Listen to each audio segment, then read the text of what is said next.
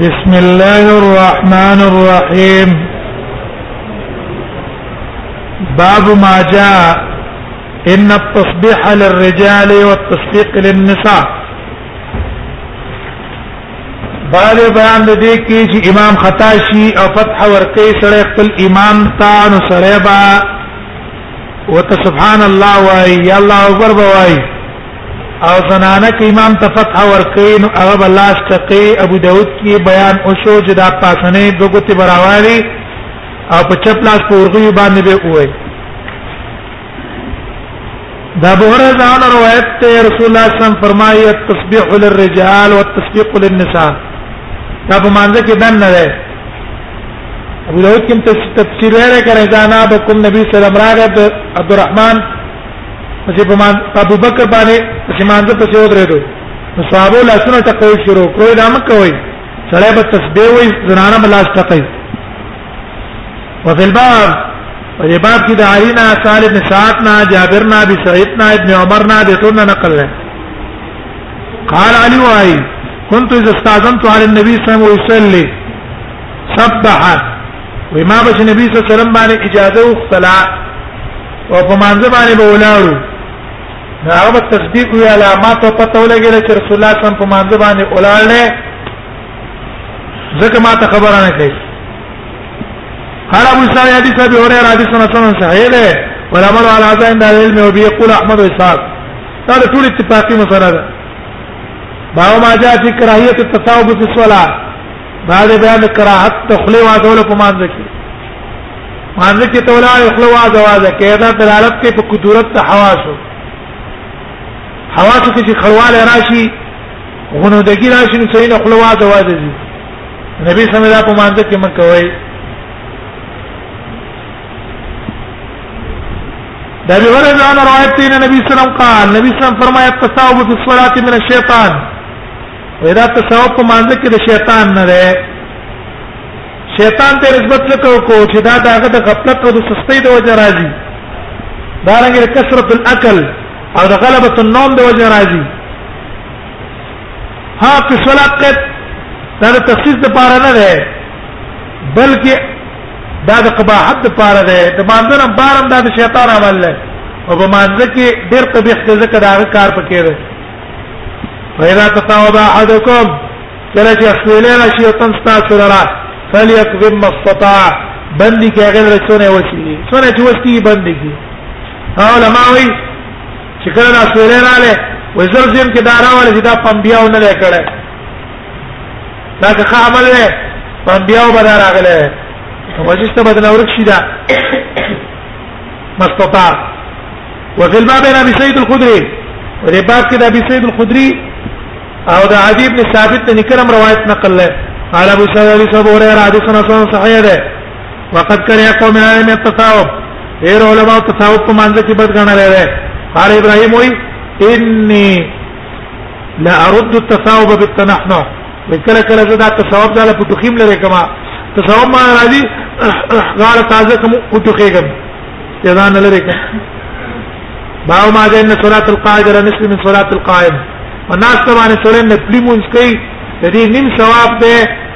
د ولاړه خدا په هغه ټیم کې مونږ ویلو چې دا په هغه ټیم کې چې ته قادری په قیام او که قادر په قیام نه وي نو بیا الله تعالی پورا اجر او ثواب دا غیر درکړي او دا په غیر د فرض نه ده د فرض کې قادر ابو داود کې مونږ ویلو د فرض کې قادر په قیام که انکار دې وکړو په کافر او انکار دې نو کړه او به دې حکم دې فاسد ته کیږي نه حق معذور وي او درې ده نشو بیا ساکت او پناست الله پورا اجر او ثواب درکړي عمران بن حسین روایت ته قال رسول رسول الله صلی الله علیه وسلم ما د نبی صلی الله علیه وسلم ته پوښتنه کوم صلات الرجل وقائد عبارت منځ سری کې جړې پناست وي فقال وی فرمایله من صلى قائما چا چې په لاړه منځ کو په افضل دا غوړه ده ومن صلى قائرا او چا چې په ناس ته باندې کو مونږ دا یو کو په ناس ته فله فله نصف اجر القائم در پاره نیم اجر د قائم نه ومن صلى نائما او چا چې په ملاس ته باندې کو نائم نه مراد څه ده په ملاس ته ولې جوته شي په هوته کې مونږ نه کیږي فله نصف اجر القائم یبل واجب دی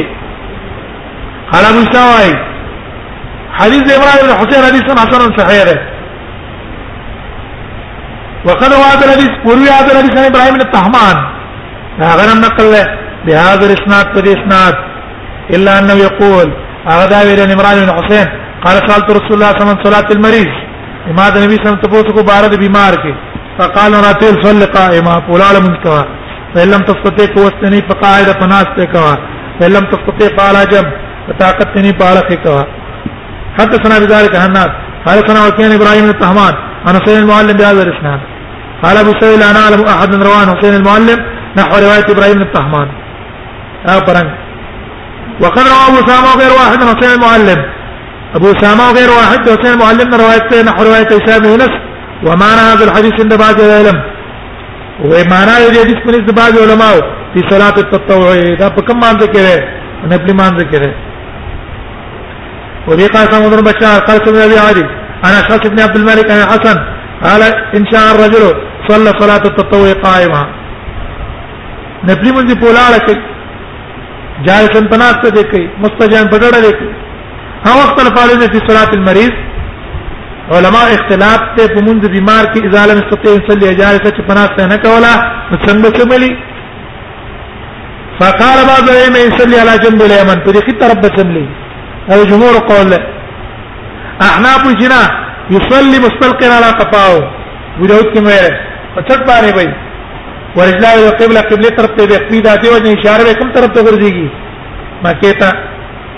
قال سفيان الثوري وي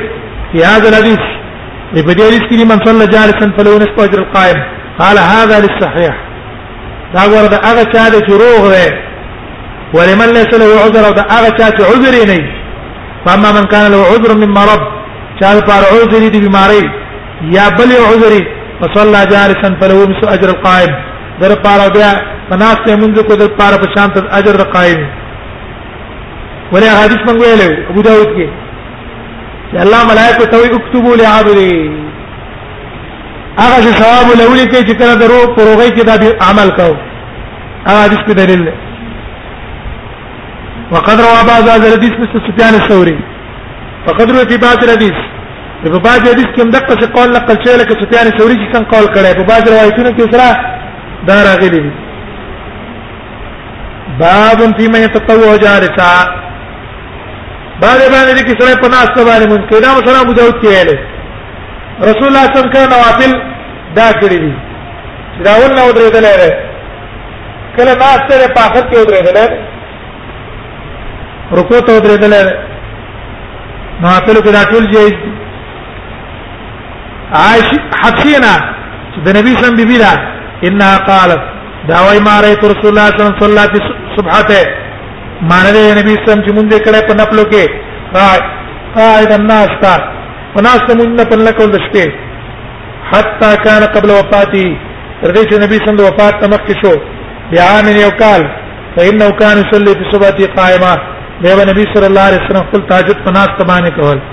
ويقرأ بالسورة سورته په کې لستلو ويرتلها په دمه دمه به ویو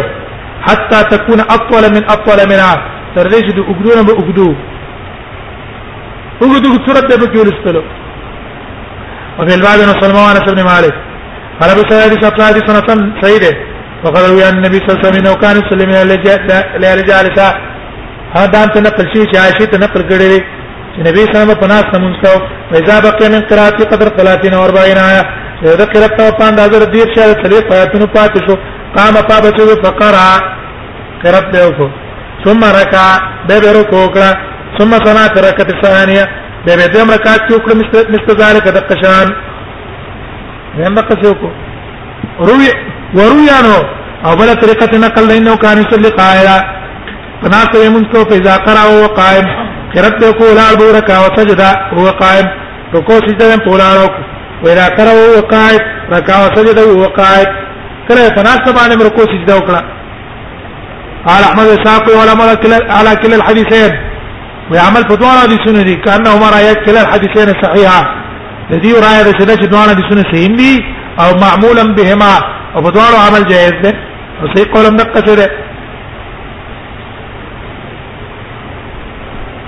انا بي سلمان عائشه ان نبی سم کان صلی جالسا فیقرا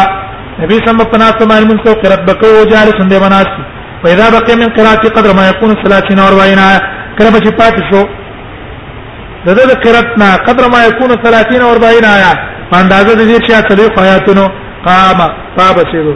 فقرا قرات به کو وقائم ولاړ بو ثم ركع وسجد به رکوع کو سجده به وکړه ثم صنع في الركعه الثانيه مثل ذلك به به تم رکعت کې مکه سي وکړه قال ابو سعيد هذا حديث حسن صحيح دا حديث حسن له صحيح ده دی بل روایت کې دی قال سنا احمد بن مني قال سنا قال سنا هشام قال قنا قال هو الحزا انا عبد الله بن شقيق عائشه قال سالت عن صلاه رسول الله صلى الله عليه وسلم انت توي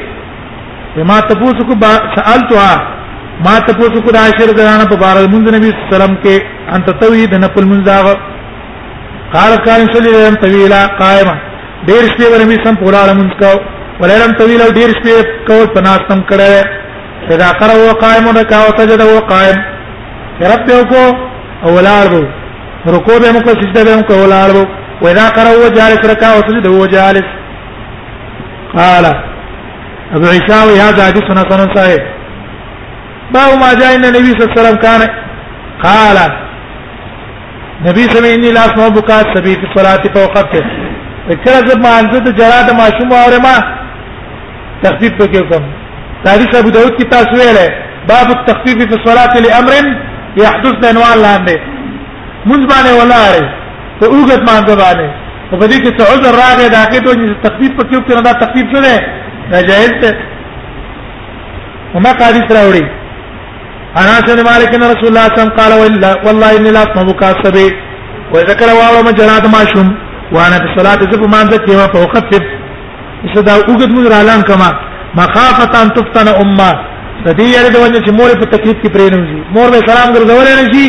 اول ته ماشوم تجاری وفي الباب عن ابي قتاده وابي سعيد وابي هريره ابو اسحاق ابي سعيد حديث حسن صحيح باب ما جعل تقبل صلاه حائض لا بقمار بيني په دې عنوان باندې ابو داود کې مې باب استتار کې کنه سر پټولو دا غي مسله کې حائض مراد من ویل والبالغه او عین حایزه ته نه مراد ته د ایدی ملک کیږي نه بالغه ته مراد ده او ته حدیث طلحه طلحه تم راوړې طلحه طلحه والا عن سجيته ابنه الحارث عن عائشه قال قال رسول الله صلى الله عليه وسلم لا تقبل صلاه الحائض الا بخمار وان قبلك منذ حائض بالغ الا بخمار مگر لپټا سر په پټه ابي لازم دي وفي الباب عبد الله بن عمر دا غنم روایت نقل ہے وقال ابو سعد عائشہ کی سنت صحیح وارین دا وعليه والعمل عليهم دالهم ټول ما په هیڅ باندې دي چې ان المرأة اذا ادركت کله چې قضا بالغ شوه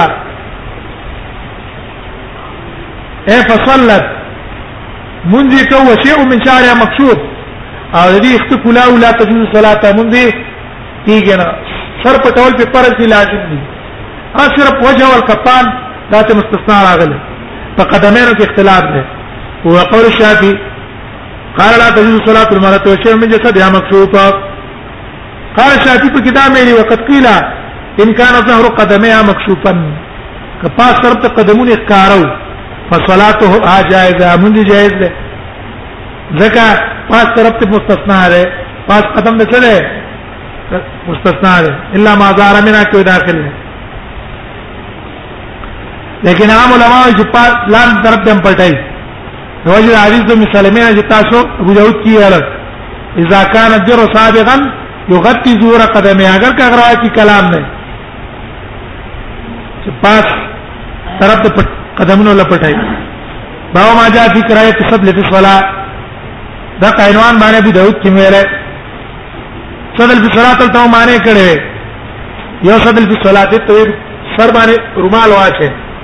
او دا کله ځوړن پرې وي هغه بل څه ونن خلک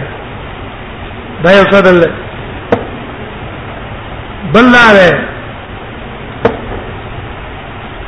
چې راغوا چې کپڑا دی واچولا او لاندې دغه نه بوزي زمکه څه لګيږي د پړکونه کته هغه تم څو درې لګي درې معنا څه درځوا کپړه دې ځان بالکل تا وکړه او لاسونه په کې دنن نه باسي دنن التحاف السما چوته وي هغه په کې داخل دی دا ټول معنی دي کیږي انا به ولا کان رسول الله صلی الله علیه وسلم په صلات مانځ کې رسول الله منع کړي خدای ته امام ابو داوود دا عطا عمل لا وړو چې عطا باندې تر صدر کې مونږ کړو او حالت مونږ ویل چې امام ابو داود دا رایا د دې لپاره چې کني صدر جائز دی ځکه عطا ته مخالفت کړی دا ټیک نه ده کې دې چې عطا ته څه نه حدیث ته نه معلوم یا د درای جدای او موږ مطابق چای را حدیث باندې مکلف نه پرای دا راوی قال ابو سعيد ابي هريره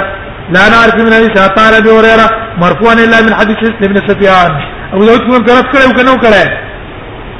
امام ترمذی الا من حديث عيسى ابن سفيان او امام ابو داود په بل سند امر راوړل وجودا سند باندې موږ چې امام ترمذی دا خبره ټیک نه چې صرف په دې سند راغله وقد اختلف العلم علماء اختلاف کړی دی بسبب الصلاه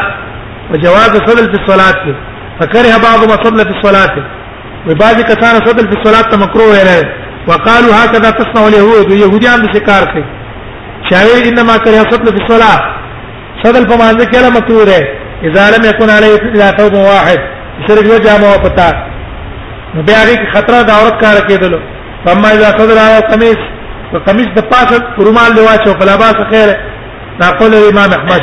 وکړ ابن مبارک صدل فی الصلاه عبد الله مبارک صدل فی الصلاه ته مکروه یاره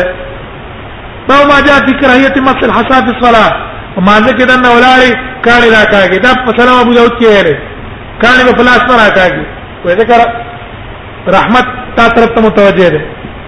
ان كنت لا بد فاعلا يوذرك ابي ذر روایت ابن ابي سم روایت کې ذا قامات کوم صلات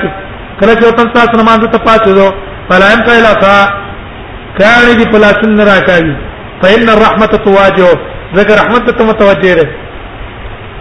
وفي قال سنة سنة بن حريث قال سنة وليد بن مسلم أنا لو زايا يحن بي كثير قال سنة أبو سلمة بن عبد الرحمن أن معيقب قال سألت رسول الله صلى الله عليه وسلم من مسلا في الصلاة وما ذكي كان فلاس راكاجي فقال ان كنت لابد فاعلا فمره واحده یو ځل کولای شي د پاره د خوشو بار بار به نه کې چې عمل کثیر نشي چې موسیقي بطلان د صلات ته قال ابو سعيد هذا حديث حسن صحيح وفي الباب عن ابن ابي طالب وحذيفه وجابر وجابر بن عبد الله ومعقد قال ابو سعيد حديث ابي ذر حديث حسن ده وقدر يعني النبي صلى الله عليه وسلم انه كره المسجد الصلاه واذا مسجد ما ذكر بدا غنله وقال ان كنت لابد فاعلا فمره واحده اخامه خک کانی لاس پاکې نه وګړي وکړه کانه روا روي عن رخصه في الواحده دنا یو دې جابر راغله ولا مل على هذا عند العلم او پرې باندې علماء اتفاق نه فاو ما جاء في كراهيه النفس في الصلاه ومانځ کې هغه دې پوکه اې چې دې لذي او هغه دې څه بدوله باندې څوکي په خلی باندې پوکې وکې دا پوکې نه روا دي دا باندې کوي دا ام سلمې نه روایت ته قال را نبی صلی الله علیه وسلم غلام لنا نبی صلی الله علیه وسلم یې ولا کولی دلو یقال له افلح شدا غفلح اذا سجد چې بسیدی له نفقان پوکې بکوه خاورته نبی صلی الله علیه وسلم افلح ترب وجهك اي افلح مخت په خاور کې کړهوا پکې مکوا دې پکې کې لا خاور لري شي او مخ مې نه اورې نش نو ترب وجهك کا کړ کا مخت په خاور لګولو قال احمد بن مني وای کرها بعد النفخ في الصلاه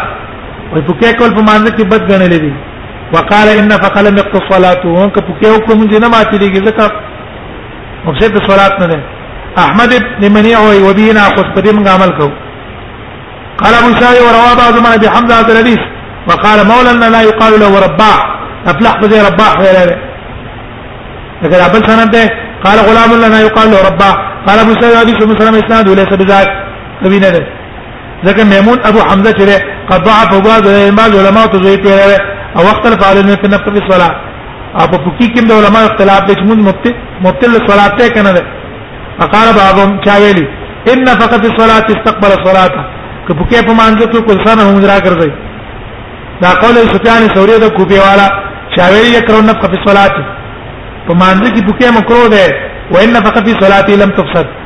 هغه ټکی یو کړو موږ باطل نه کراهت یو کو دا کوله رحمان الله صاحب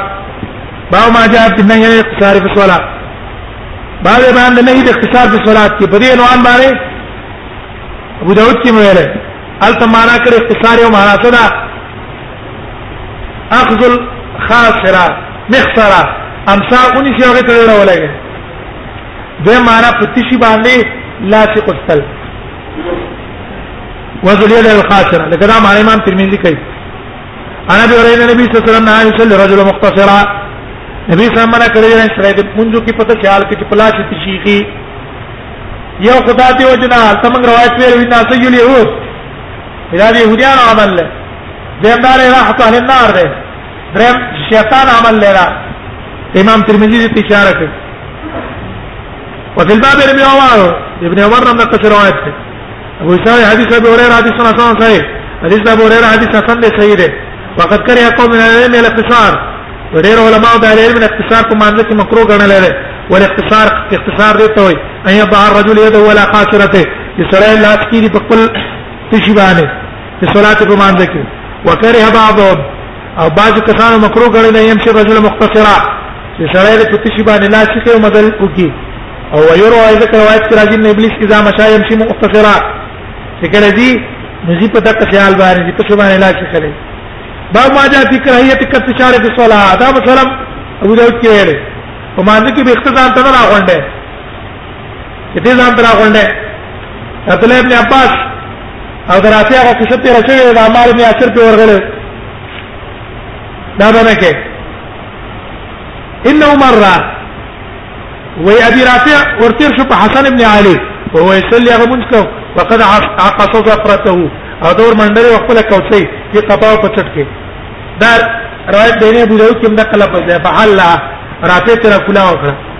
فالتفت الى حسن مغضبا حسن ته غصه باندې وکتل هغه ته لکه نه صلات کمان ته متوجه شي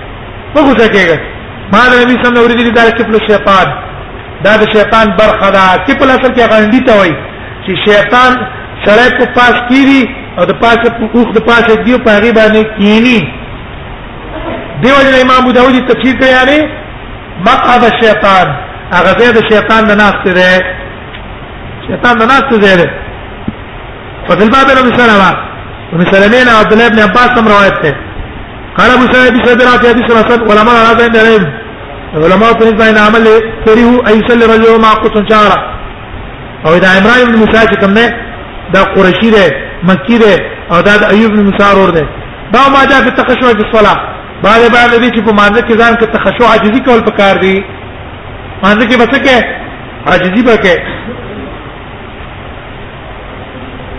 د ربيع بن حارث روایت کې د فضل ابن عباس نه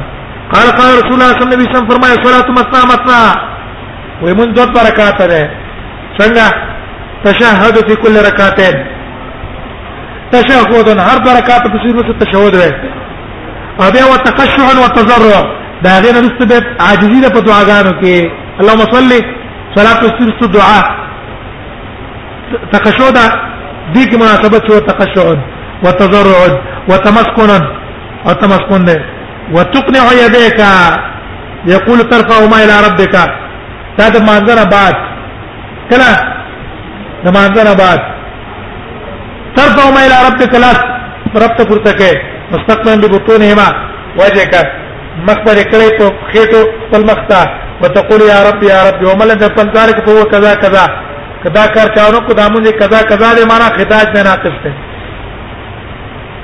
قال ابو سوي وقال غير المبارك يا ربي بسم الله ما يقول ذلك هو خداج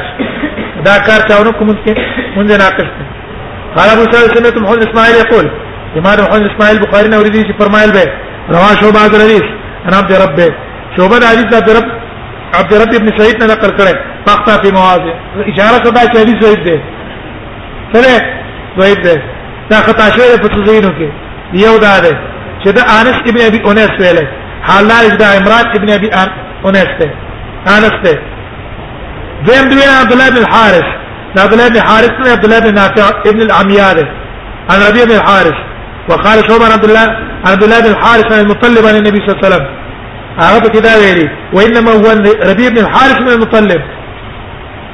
دا غنه ده فضل بن عباس عن النبي صلى الله عليه وسلم نګور دې کوم څه شو شوبه خطا شو کنه څه شو شوبه خطا شو نو امین بن جار کې چې شوبه خطا شو سفیان صحیح ده معلومی چې شوبه په څه کې خطا کېدو دا شوبه ډیره خطا یې ډیره په نسبت د سفیان باندې قال محمد بن حديث الله بن سعد اصحاب حديث الله بن اسد سعد اصح ده من حديث شعبه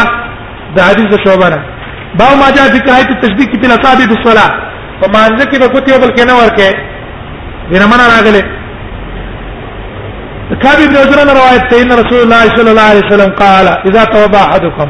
وتم ساتنا ودسكي فاحسن وضوء كستا ودسكي ثم خرج عامدا المسجد او به اوزي قسكون کې جمعه تا فلا يشبكن بين اصابعه دا دې په یو بل کې کوته نه ور کوي فانه في صلاه ذکر په څه کې حسابيږي